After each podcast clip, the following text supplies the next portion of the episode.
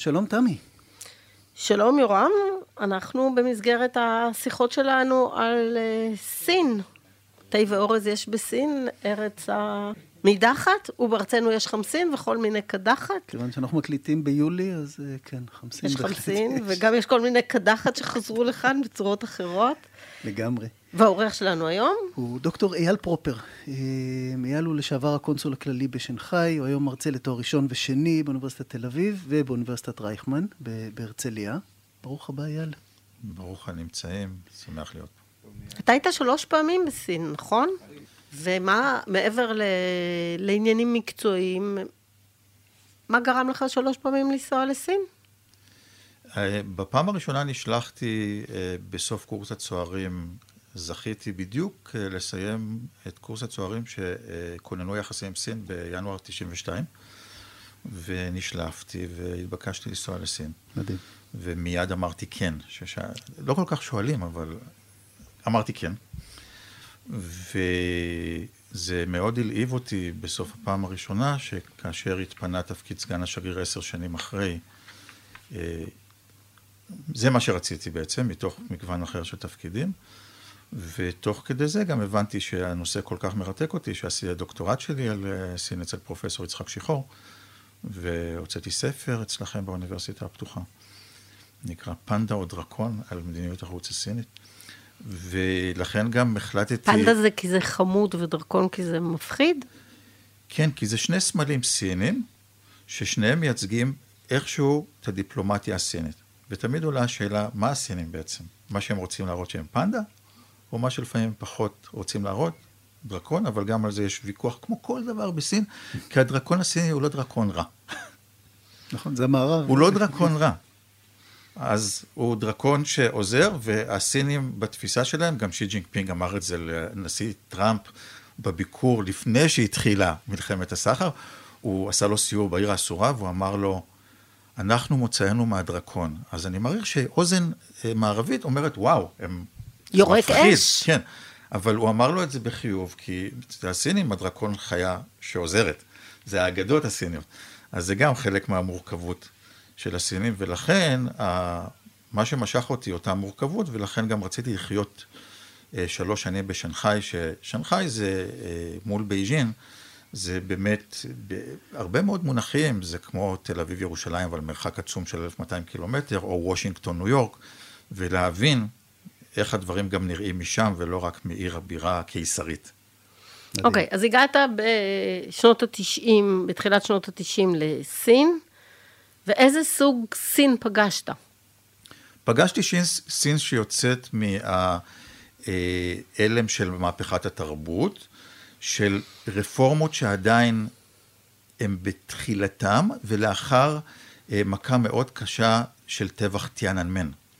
למעשה ב-92 שישראל כוננה יחסים עם סין ואני הגעתי יחד עם עוד הרבה ישראלים, עוד היה שם את התחושה שהם יוצאים מההלם של טיאננמן, שבהחלט זה היה משהו שבו השלטון, ועליו נדבר היום על המשטר הסיני, אז השלטון, המפלגה הקומוניסטית של סין הבהירה, אנחנו פה להישאר, הם קוראים לזה למאה השנים הבאות, אבל בואי נקרא לזה לנצח.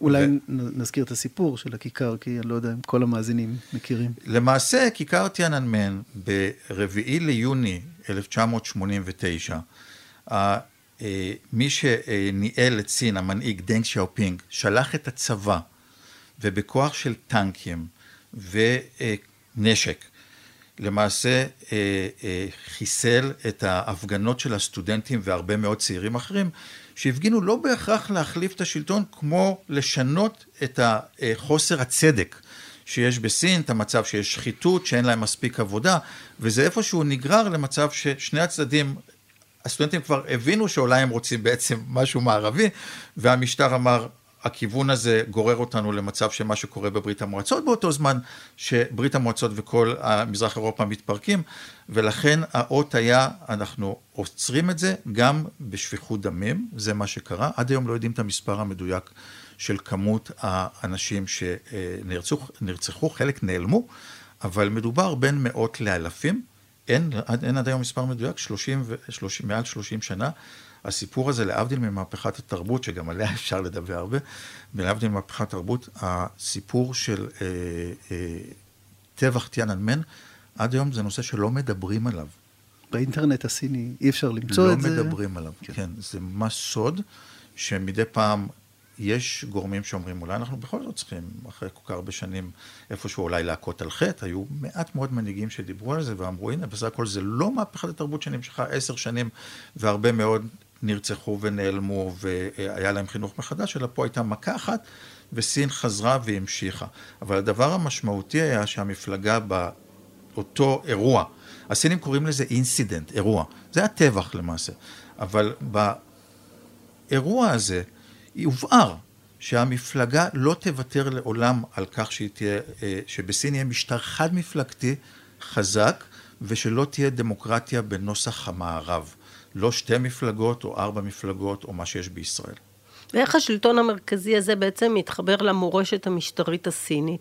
זאת אומרת, יש מדינות שקשה לי לראות איך היו מצליחים להקים אה, משטר חד מפלגתי אחרי מהפכה. זאת אומרת, יש לנו מהפכה, ולמעשה, האם המהפכה היא אה, הפסקה, שינוי מוחלט לעומת המשטר הסיני קודם, או שאנחנו יכולים לראות פה משהו, תרבות פוליטית שפשוט לבשה צורה, פשטה צורה ולבשה צורה?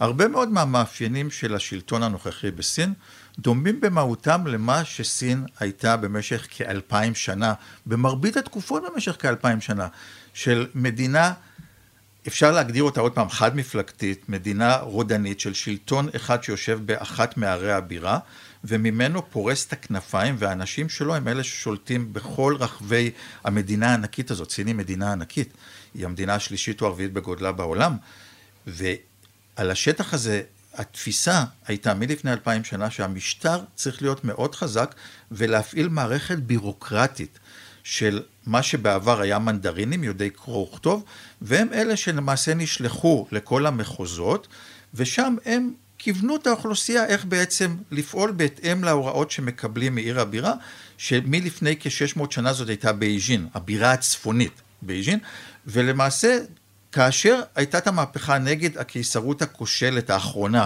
והמהפכה הזאת הסתיימה ב-1 בינואר 1912 בעלייה, בעלייתם של כוחות מודרניים, הכוחות המודרניים לא הצליחו לשלוט, הרפובליקה של סין עם סון יצן וצ'אנג קשק לא הצליחו לשלוט באוכלוסייה העצומה הזאת, ושמאו ניצח אותם במלחמת אזרחים והכריז על הקמת הרפובליקה העמית של סין באוקטובר 49, הוא למעשה חזר בלא מעט מאפיינים לשלטון החזק של הקיסרות.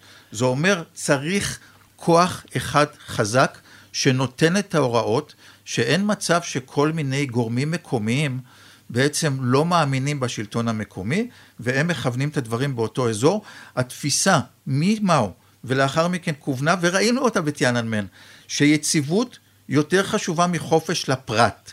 יציבות וזה שלרוב יהיה יותר טוב. בתפיסה הסינית, בתוך היום 1.4 מיליארד איש, יש כמות עצומה, לפעמים בלתי נתפסת, של אזרחים, של אנשים, וכדי שלרוב, או כמעט לרוב המוחלט יהיה טוב, הפרט לא חייב לקבל את כל אותם תנאים שיש במערב, מה שאנחנו מכירים, ואנחנו מאוד שמחים וגאים להיות חלק מזה.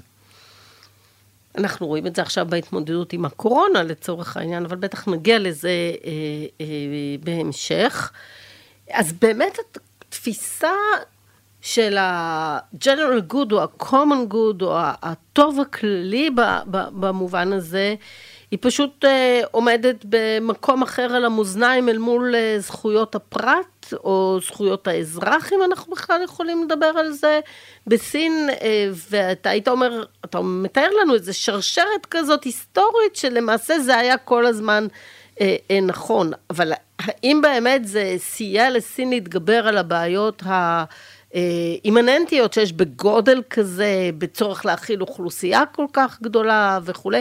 אני אזכיר כאן רק את אה, מדיניות הילד האחד, שבעצם פוגעת בחירות האישית שלך להחליט כמה ילדים אתה רוצה שיהיה לך, אבל זה נועד לעשות משהו. אה, לצורך העניין, אני מבינה שהיום זה רוכך העניין הזה, אבל בכלל מדברים במונחים של זכויות הפרט בסין? גם בעניין הזה צריך להבין דבר מאוד בסיסי על סין. זה לא משטר של דיכוי לאוכלוסייה שמתנהגת יפה. והסינים אומרים, אנחנו צריכים לדאוג לאוכלוסייה. ולדאוג לאוכלוסייה, לדוגמה, סימן של בית, עכשיו היה לכם את השפה הסינית, סימן של בית, שזה גג וחזיר. צריך לדאוג לקורת גג לכל אחד, וגם צריך לדאוג לאוכל. ואיך אתה דואג בכזאת כמות עצומה של אנשים, שיש שיטפונות מנהר היאנקצה והנהר הצהוב. אתה צריך לדאוג באיזושהי צורה שהשלטון המרכזי דואג לאוכלוסייה. והתפיסה הייתה, המשטר המרכזי באמצעות השליחים שלו, אותם אנשים מיומנים שלמדו איך לשרת, הם בירוקרטים, הם למדו איך לשרת את האוכלוסייה, הם צריכים לדאוג מהכלל אל הפרט כדי שלכולם יהיה אוכל, שיהיה קורת גג, או לכמה שיותר שיהיה אוכל וקורת גג, והתמורה של הפרט שהוא צריך לציית. ואלה שיוצאים מחוץ לקווים, צריך להחזיר אותם פנימה או לסלק אותם. זה בעצם התפיסה, היא תפיסה שהיא שונה לחלוטין ממה שהתפתח במאות האחרונות במערב, אבל זה לא משטר של דיכוי. המשטר, צריך להבין, בתפיסה שלו, אם לא יהיה טוב לאוכלוסייה, ואם הם לא יפעלו כצוות מיומן שיושב מלמעלה, אם הם לא יפעלו כמו שצריך, האוכלוסייה תפיל אותם. זה בעצם מה שקרה לקיסריות אחרי 200 שנה, 300 שנה, שמתישהו שהם איבדו את השלטון מתוך זה שהם לא דאגו מספיק לאוכלוסייה, ואז מתוך שיטפון, מתוך בצורת, מתוך מצב שקם כוח חדש שהוא ירש אותם והוא היה צריך לדאוג לאוכלוסייה.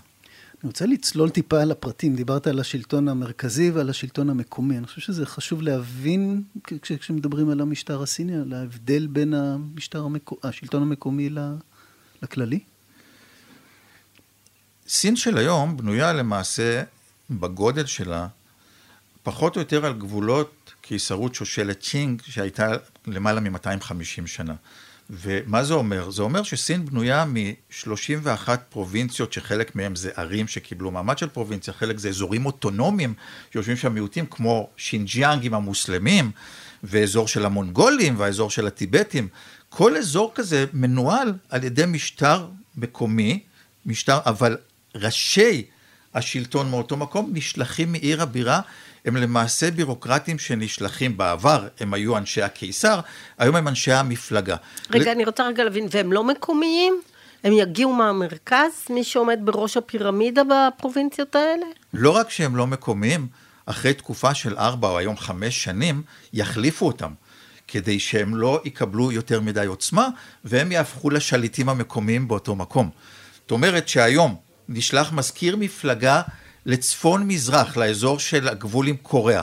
הוא יהיה שם חמש שנים, ולאחר מכן, אם הוא היה טוב, הוא לא יישאר במקום. הוא ישודרג לפרובינציה אחרת, או שהוא יעבור לשלטון המרכזי ויהיה חבר פוליטבירו. ממש כמו דיפלומטים של משרד החוץ, נכון. שנשלחים למדינות זרות. הספר של ניקולסון, שהוא מדבר על השינוי בתפקיד הדיפלומט, שפעם הוא היה יושב 30 שנה בפריז, והוא כבר היה הרבה יותר פריזאי מאשר אמריקאי, ואז השירות הדיפלומטי שינה את ה... יש קדנציות ל... לשלטון. אז אתה מתאר תופעה דומה, שלא רוצים שהוא יתמקם יותר מדי חזק ויצבור כוח וקשרים וכולי, אתה מתגמל אותו אם הוא טוב, אבל אתה מזיז אותו. נכון מאוד. ובתוך זה יש פה שני היבטים מאוד מעניינים. כי מצד אחד, אותם בוסים שבאים מלמעלה, הם בדרך כלל לא נולדו שם, או המשפחה שלהם לא משם, והם נשלחים כדי לשלוט, אבל יש למטה מיליונים שהם בני המקום. השאלה כמה הם מסבנים אותם. כמה באמת אותו שליט שמגיע מהמרכז, יכול לשלוט. יש פתגם אה, עתיק או ותיק בסינית שאומר, הנהר רחב וההר גבוה. זה לתקופה שעד שהגיעו הפקודות, כי הלכו, נסעו או רכבו על סוס והיו צריכים להעביר את הפקודה, ו, אה, או מה שהגיע מהשלטון המרכזי, כולל חלוקת המיסים או שליחת המיסים מאותה פרובינציה אה, שלפעמים לקח שבועיים לרכב ולהגיע לאותו מקום. והשליט המקומי, אם הוא לא היה מוחלף, הוא כבר היה מרכז לעצמו את הכוחות. הוא היה אומר לאותם מקומים, אני יודע שאתם מפה וכל המשפחה שלכם פה, אז בואו תעבדו איתי.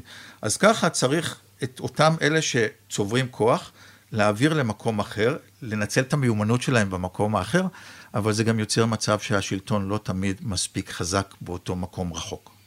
אני רוצה לשאול על המפלגה. אה, מרחוק, מ... אנחנו עכשיו בכפר הירוק, נראה שכל הסינים הם חברים במפלגה הקומוניסטית. אה, מרצונם או שלא מרצונם. זה נכון בכלל? זה, שאני אה, למדתי תוך כדי אה, שלוש התקופות שהייתי בסין הרבה מאוד, לא רק שלמדתי מפלגה, היו לי המון שיחות עם חברי המפלגה, כי הרבה פעמים בתוך כדי ארוחות היה חשוב לדעת למה הם בכלל נכנסו להיות חברי מפלגה. איך הם, ו, ואחד הדברים שהבנתי, שזה גם כן דומה לתקופה הקיסרית, בתקופה הקיסרית היו המנדרינים, ופה יש מתוך 1.4 מיליארד 90, היום, ב-2022, 95 מיליון חברי מפלגה. זה פחות משבעה, בערך 7 אחוזים מהאוכלוסייה שהם חברי המפלגה. זאת אומרת, יש עוד המון פקידים, המון בירוקרטים, המון אה, אקדמאים, שהם לא חברי מפלגה, ורופאים, אחרים, זאת אומרת, לא כל אחד נהיה חבר מפלגה. עכשיו, זה הולך לשני הצדדים. לא, המפלגה לא רוצה כל אחד, וגם לא כל אחד רוצה להיות חבר מפלגה. אז מה, איך בעצם, מה קורה היום? היום למעשה יש איזושהי אה, בחירה שבוחרים סטודנטים מצטיינים. לדוגמה, הפרופסור שלו יכול לבוא ולהגיד לו, הפרופסור שהוא חבר מפלגה, הוא אולי סגן נשיא האוניברסיטה והוא חבר מפלגה, יכול לאתר סטודנטים אה, מוכשרים ולהגיד להם, אתם רוצים אולי להיות חברי מפלגה? הם יכולים להגיד, לא, לא בא לי. אבל חלק מהם שרוצים להיות חברי מפלגה, או שאיזה חבר אמר להם והם אה, אומרים, כן, מתאים לנו להיות חבר, חבר מפלגה, ותכף נסביר למה. הם עוברים איזשהו תהליך סינון במשך כשנה, כמו שאני עברתי לקורס הצוערים של משרד החוץ, ולאחר השנה הזאת שהם נבחרים, גם יש להם לפחות שנה של מבחן, האם הם מתאימים להיות חברי מפלגה. עכשיו, מה זה נותן? מי שנכנס למפלגה, דבר ראשון, זאת הדרך להשפיע בפוליטיקה. אף אחד לא ייכנס, אם אתה עשית הרבה מאוד כסף, או היית עיתונאי, שעיתונאי בסין זה לא כמו עיתונאי במערב, אבל, או היית שחקן כדורסל מפורסם, יאו מינג שהיה ב-NBA. זה לא אומר שאתה יכול לחזור אחרי זה בגיל 40 ומשהו ולהגיד, עכשיו אני רוצה להיות חבר מפלגה. אתה צריך להיות חבר מפלגה מהרגע שכולם התחילו. לעשות את הדרך, להיות בשטח, לנסוע לפרובינציה, להתחיל בתפקיד זוטר יחסית, להתקדם לאט לאט, כדי שבגיל 40-50, אם אתה היית מוצלח, זה עובד ככה. אתה דבר ראשון צריך להיות מוצלח, אבל גם שיהיה לך קשרים. זה עובד ביחד, אבל לא מספיק להיות רק אדום. לא מספיק להיות רק אדום. אתה היום צריך להיות גם מוכשר וגם אדום. והתפיסה היום, להבדיל מתקופת מאו, כי מאו בחר את האדומים, ואז אמר, לא חשוב לי אם מוכשרים או לא, שיהיו נאמנים לי. ואנחנו רואים את זה בכל מיני מדינות, הסיפור הזה. אז מה שקורה היום בסין, זה שבוחרים אנשים מוכשרים ומבינים שהם מתוך ההבנה שלהם שהם סינים והם אוהבים את המדינה והם רוצים להתקדם.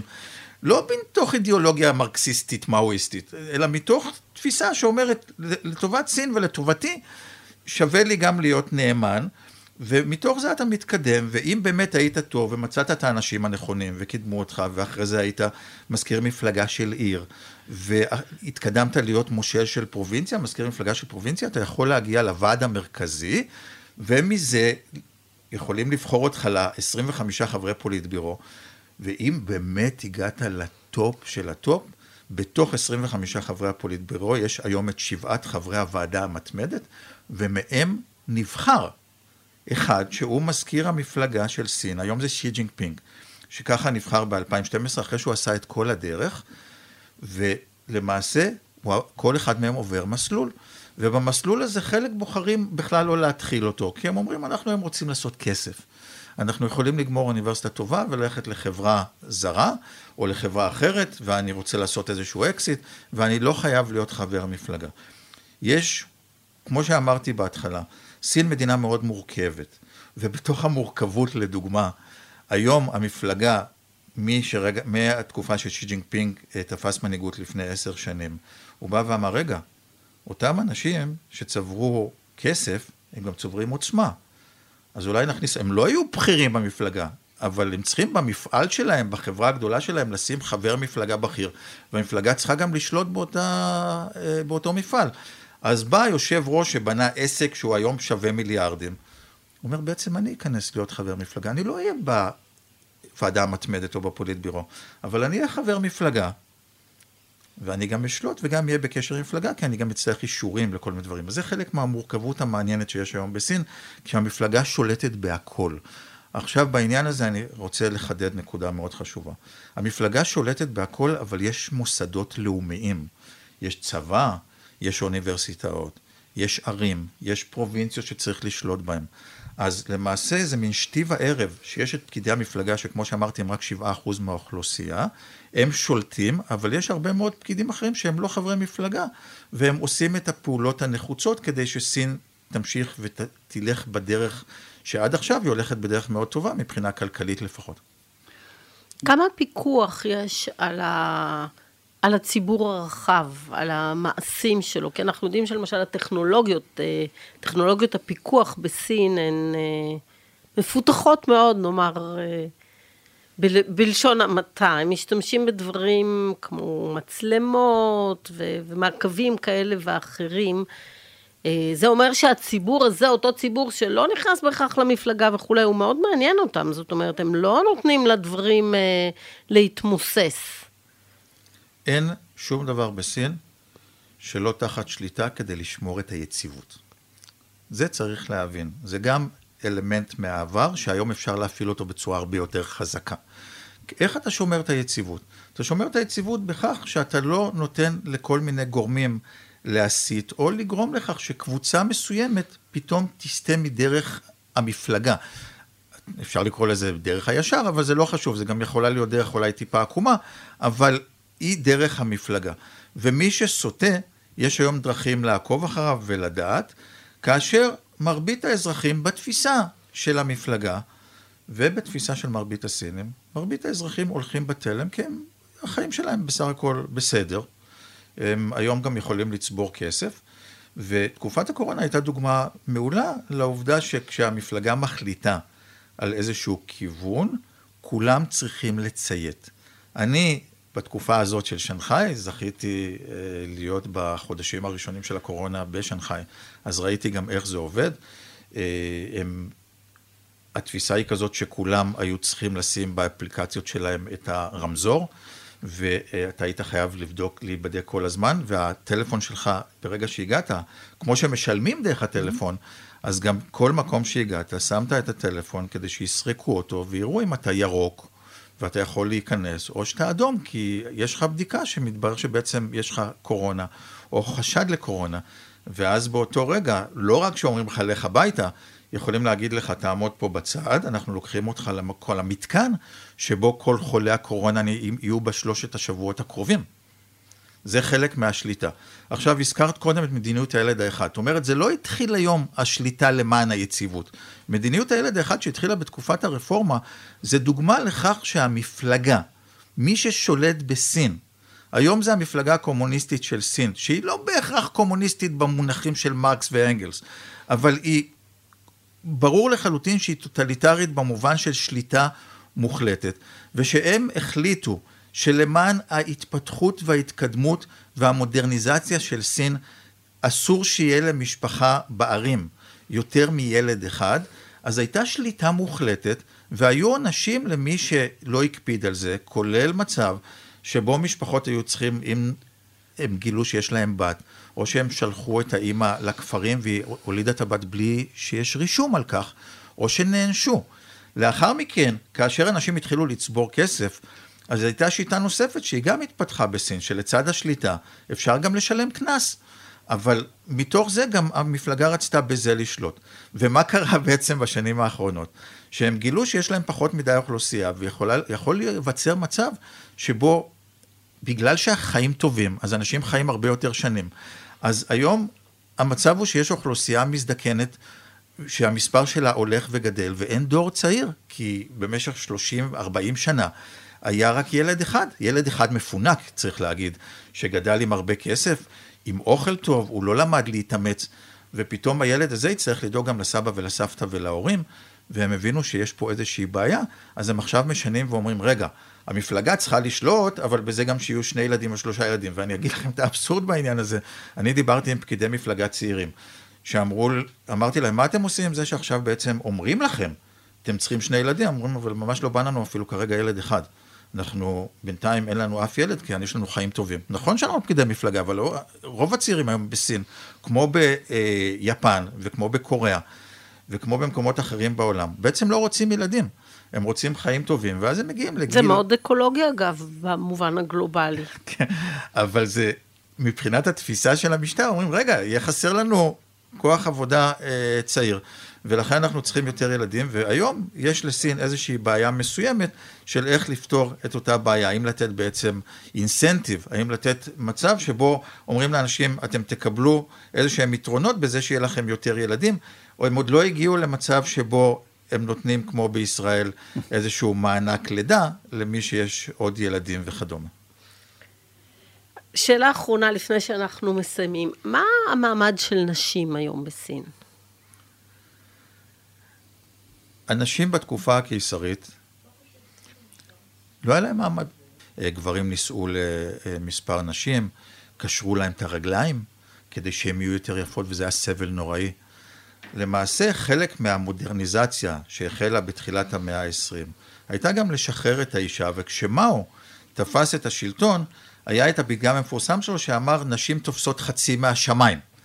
אבל דיבורים לחוד ומציאות לחוד.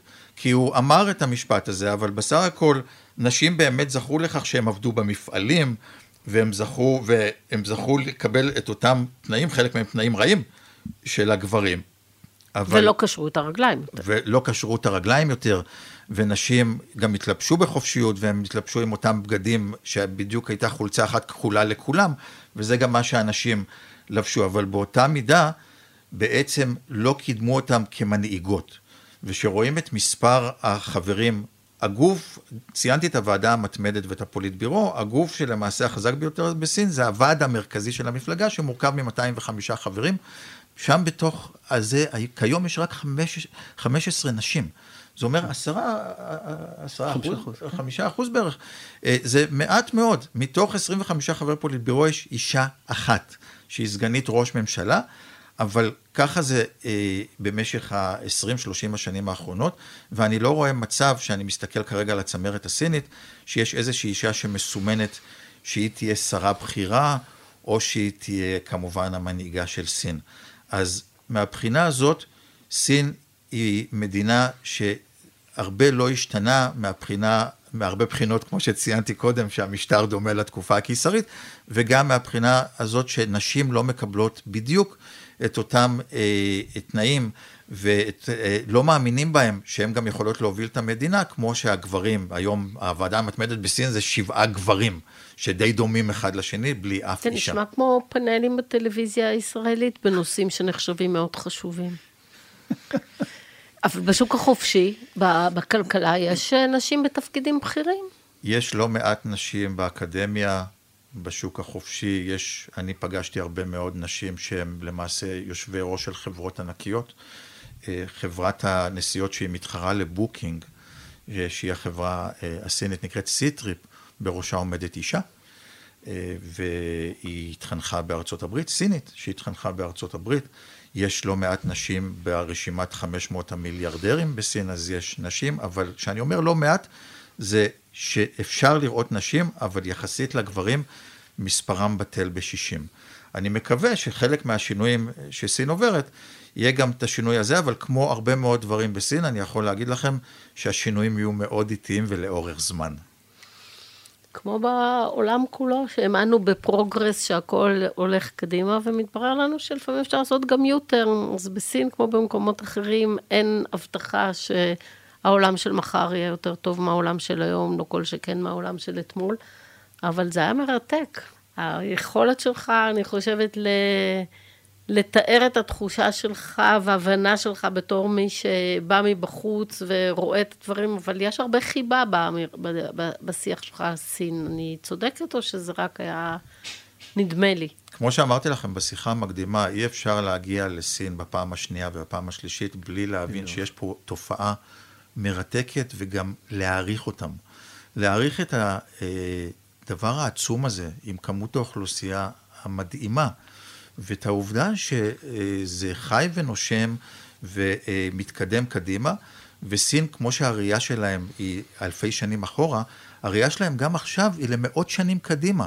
יש להם תוכניות, כמו שיש את התוכנית לשנת 2049, שזה 100 שנה להקמתה של הרפובליקה העממית של סין, אפשר לראות תוכניות שלהם שהם מדברים, ככה סין תהיה עוד 100 שנה, עוד 200 שנה, מה שהרבה מאוד מדינות אחרות לא מצליחות לחשוב על תוכניות לעוד שבוע. מדהים. תודה רבה, דוקטור אייל פרופר, היה מרתק. תודה רבה.